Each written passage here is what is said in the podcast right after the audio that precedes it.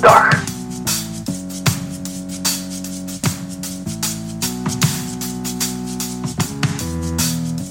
Hey hallo, welkom bij de tweede aflevering van Eén Dag, de podcast waarin telkens één dag centraal staat. En vandaag is dat 9 november.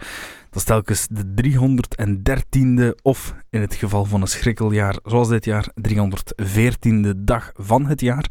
En het laat ons nog 52 dagen tot dat jaar voorbij is. En er is weer heel wat gebeurd in de geschiedenis op deze dag. In 1983 werd op deze dag Freddy Heineken ontvoerd, de toenmalige directeur van de gelijknamige bierbrouwerij uit Nederland. Hij werd door vier mannen in de avond ontvoerd voor zijn kantoor in Amsterdam, samen met zijn chauffeur Ab Doderer.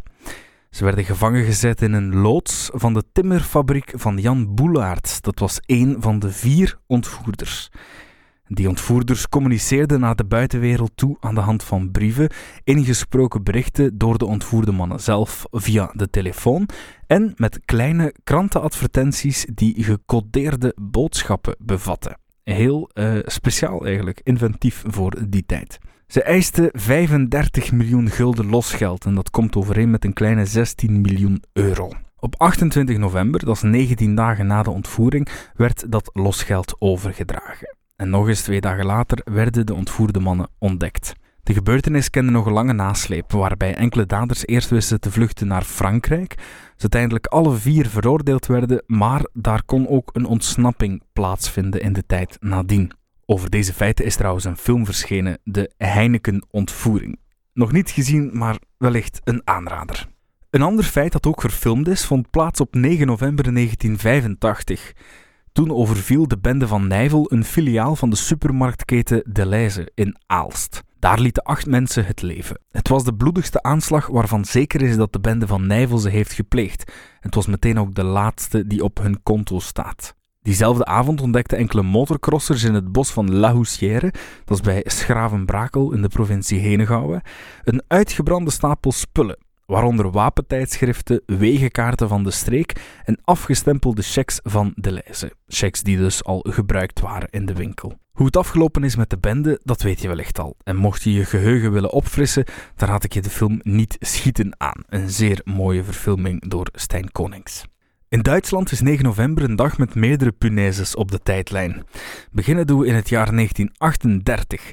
Daar staat de nacht van 9 op 10 november gekend als de Nacht van het Gebroken Glas, ofwel Kristalnacht. Het betrof een actie die door de nazi's was georganiseerd tegen de Joden onder het Duitse volk. In heel Duitsland werden Joden en hun bezittingen aangevallen. 1400 synagogen werden in brand gestoken, 7500 winkels van Joden werden vernield, net zoals Joodse huizen, scholen, begraafplaatsen en ziekenhuizen.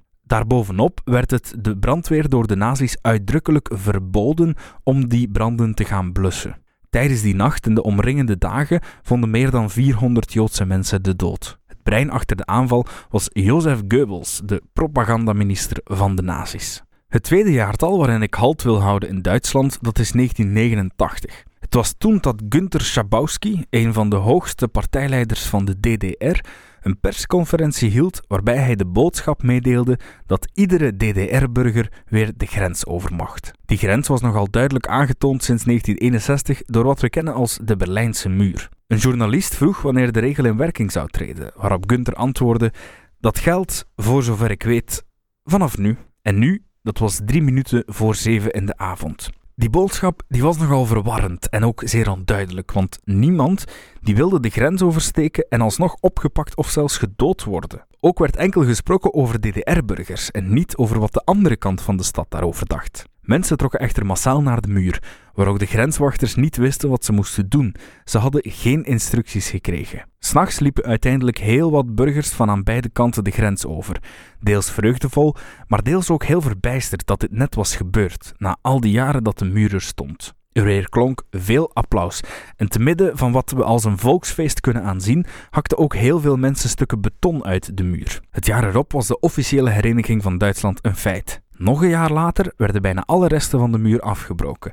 Slechts enkele stukken staan er de dag van vandaag nog steeds. Berlijn, het is een stad met een ellenlange geschiedenis en zeker ook weer een aanrader. We kijken ook even naar de verjaardagskalender, want daar staan veel namen op te blinken.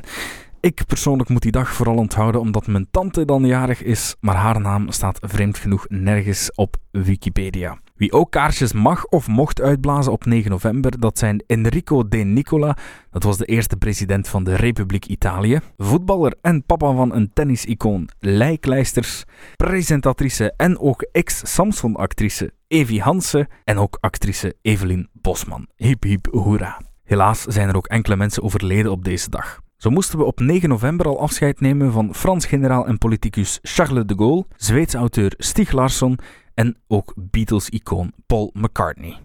Um, wat blief? Paul, Paul McCartney dood? Paul dood? Ja, zeker. Paul is dead.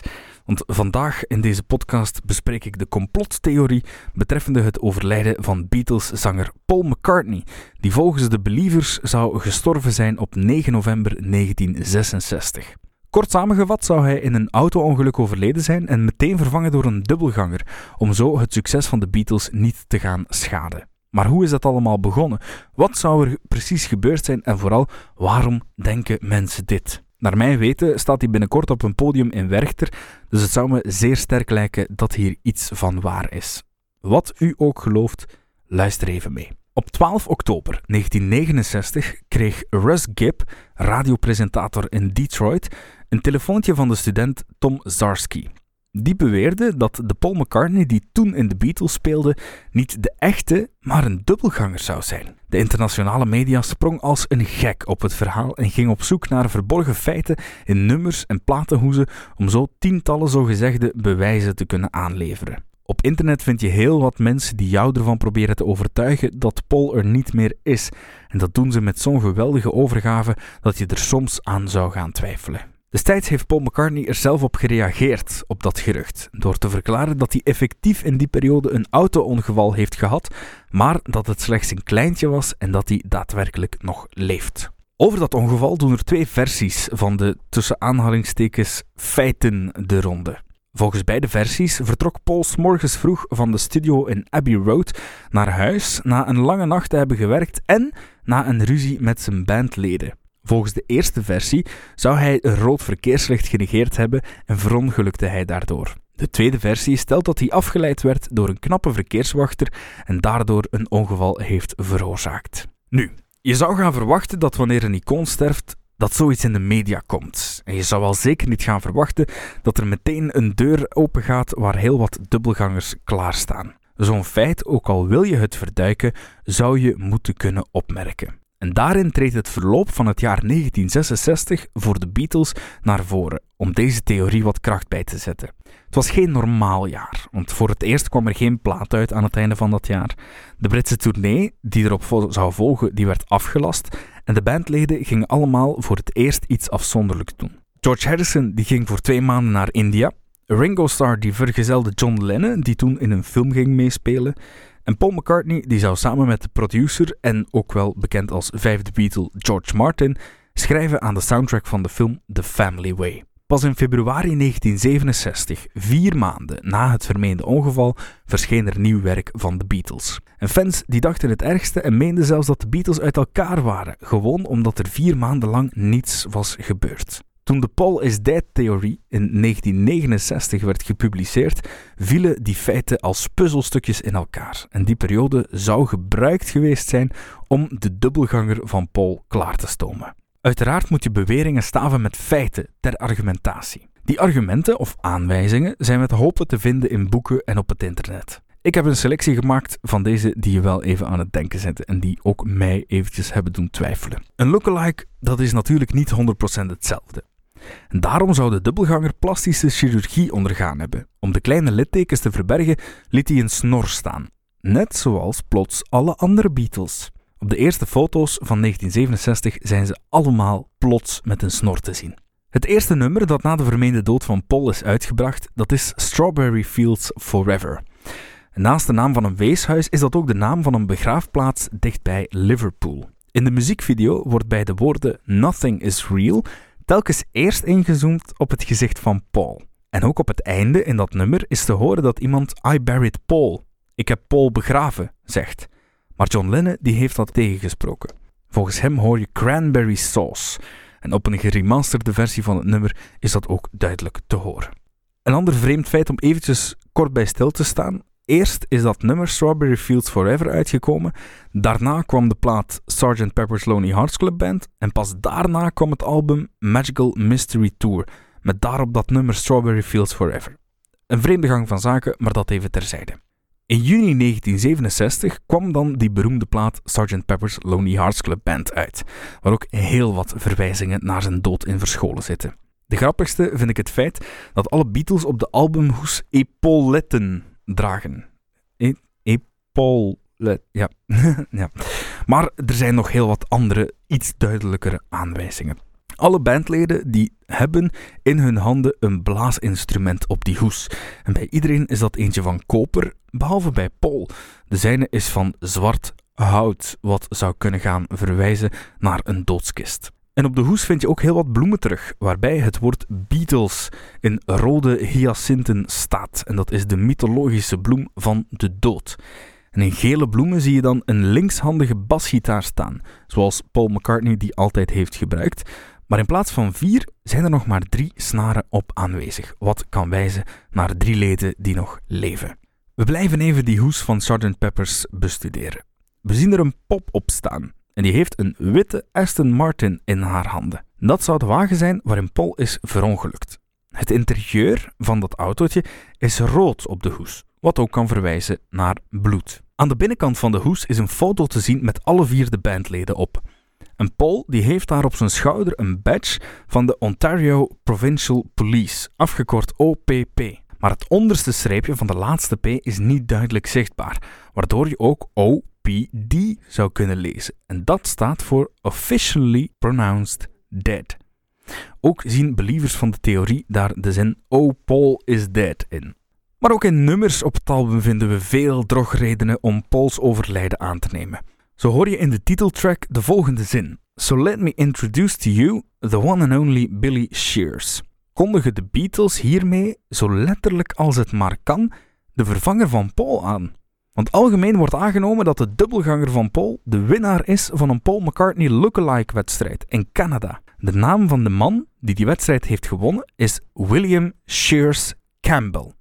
En William, dat kan je verbasteren tot Billy, waarbij je komt tot Billy Shears de naam die in Sgt. Peppers wordt genoemd. Nu, de organisatie van de wedstrijd heeft daar later op nog gereageerd door te verklaren dat er nooit iemand heeft deelgenomen aan de wedstrijd met die naam. Dus of dat klopt, dat weten we ook alweer niet. Sgt. Peppers, het album wat volgens mij een prachtig album is van de Beatles, dat sluit af met het al even prachtige A Day in the Life. En dat nummer kan geïnterpreteerd worden als het relaas van het ongeval dat Paul zou hebben gehad in 1966. Daarin wordt namelijk een auto-ongeval beschreven als volgt. He blew his mind out in a car. He didn't notice that the lights had changed. En dat is toch wel een heel duidelijke verwijzing naar een ongeval. We gaan even verder naar het album dat daarop volgde in hetzelfde jaar 1967, The Magical Mystery Tour. En daarbij, bij die dubbel LP, zat een fotoboek. Ook in dat boek staan enkele aanwijzingen. Zo zien we Paul op een foto zitten aan een tafel met voor hem een bordje met daarop de tekst I was. Ik was, ik ben geweest. Hmm. Zijn voeten zijn ook op meerdere foto's als enige bloot, wat kan verwijzen naar de manier waarop in vele landen doden worden begraven, met blote voeten. In dat album zit ook een walrus verwerkt. Niet letterlijk natuurlijk, maar het heeft er wel iets mee te maken. Er is daar een nummer, I Am the Walrus. En een walrus, dat is in sommige Scandinavische landen een voorbode van de dood. Op de hoes van het album heeft Paul een pak aan van een walrus. En ook in dat nummer I Am The Walrus kan daarnaar worden verwezen. Nu, dat nummer dat wordt ingezongen door John Lennon. Waarin Lennon dan letterlijk zegt dat hij de walrus is. Maar op de achterkant van de hoes staat bij dat nummer geschreven No You're Not. I Am The Walrus, No You're Not. En dat kan erop wijzen dat Paul dus misschien wel de walrus is. De persoon die het zong, John Lennon, I Am The Walrus, zou het dan niet geweest zijn. Er is een nummer uitgekomen in 1970 van John Lennon en de Plastic Ono Band en dat heet God. En daarin komt de zin voor I was the walrus, wat alweer dat laatste argument te niet kan gaan doen. Maar dat is natuurlijk een beetje woord tegen woord. Hè. Ook het nummer Hello Goodbye op uh, dat album The Magical Mystery Tour zou gaan verwijzen naar de wissel, want daarin wordt gezongen You say goodbye and I say hello. Dus dat Paul goodbye zegt en dat uh, Billy Shears hello zou gaan zeggen. Op de andere albums die volgden staan telkens minder zogenaamd duidelijke verwijzingen, behalve eentje die ik toch nog met jullie wil delen. Op de bekendste albumhoes aller tijden, die van de plaat Abbey Road, zie je de vier Beatles de straat oversteken. En op die hoes is McCartney alweer de enige die op blote voeten rondloopt, wat weer een verwijzing is naar de dood. Ook loopt hij daar met een sigaret in zijn rechterhand, terwijl hij algemeen geweten linkshandig is. Of was. Paul loopt er op de foto ook als enige uit de maat en hij heeft als enige de ogen gesloten. En dan zijn er zelfs mensen die theorieën verzinnen die nog veel verder gaan. Want ze kijken bijvoorbeeld naar de kledij die de andere Beatles dragen op die hoes. John Lennon draagt witte kledij, wat ervoor zorgt dat je hem als een priester zou kunnen aanzien. Ringo Starr draagt een plechtig zwart pak, wat met een beetje fantasie hem tot begrafenisondernemer bombardeert. En George Harrison die draagt simpele jeanskledij, wat van hem een grafdelver zou kunnen maken. Op de achterkant van de plaat staat ook ergens een misplaatste 3. En dat kan verwijzen naar het aantal originele Beatles-leden dat nog leeft. Ook in het bekende nummer Come Together zingt men One and One and One is 3. Men zingt niet verder tot 4. Los van de voor interpretatie vatbare argumenten, hè, is er ook wetenschappelijk onderzoek verricht naar de veronderstelling dat Paul zou vervangen zijn. In 1969 vergeleek een professor aan de Universiteit van Miami, die gespecialiseerd was in voice prints, spectrogrammen van de stem, op vraag van Life Magazine de stem van Paul op Yesterday uit 1965 met die van op Hey Jude uit 1968 met elkaar. Zijn conclusie was dat de stemmen verdacht verschillend waren. In 2009 vergeleken twee Italiaanse experts in biometrische gezichtsherkenning foto's van McCartney uit verschillende tijdperiodes. En ze ontdekten opmerkelijke verschillen tussen de foto's van voor en die van na 1966. Zo is de morfologie van de kaak helemaal verschillend, zijn de lippen anders, is de vorm van zijn verhemelte verschillend en is zelfs de vorm van zijn volledige schedel plots ronder en minder lang. En voor een volwassen persoon is zo'n verandering op natuurlijke wijze onmogelijk. Alles bij elkaar doet het je soms toch twijfelen, al mag je niet vergeten dat veel zaken uit context getrokken zijn en dat enkele dingen ook foutief worden geïnterpreteerd. Je moet jezelf ook de vraag stellen of dit alles eigenlijk wel toeval is. Want de kans bestaat ook dat de Beatles zelf achter het zogeheten gerucht zitten en sommige clues met opzet op hoezen en in nummers hebben geplant om het mysterie te voeden. En dat verkoopt natuurlijk, dames en heren. Zoals eerder vermeld mag je denken wat je wil, maar dat het een interessant mysterie is, dat staat als een paal boven water. Er zijn nog veel meer argumenten te vinden op internet en in vele boeken, maar verdiep jezelf er niet te ferm in voor je erin zou gaan verdrinken. Zet tijdens je zoektocht gerust een plaatje van de Beatles op, want hun muziek die blijft geweldig, gelijk wie het nu echt gemaakt heeft. Dat gezegd zijnde sluit ik deze tweede aflevering van één dag af. 9 november, dat is een belangrijk etmaal in de geschiedenis, vooral omdat mijn tante op die dag verjaart. Dat uh, is mijn hoofdreden om die dag te gaan onthouden. Tijdens de volgende aflevering houden we halt bij een andere dag. Bedankt om te luisteren, bedankt aan Villa Bota voor het gebruik van de studio en heel graag tot de volgende keer. Vanuit het Koningin Astrid Park in Brugge. Villa Bota. Recht in je eter.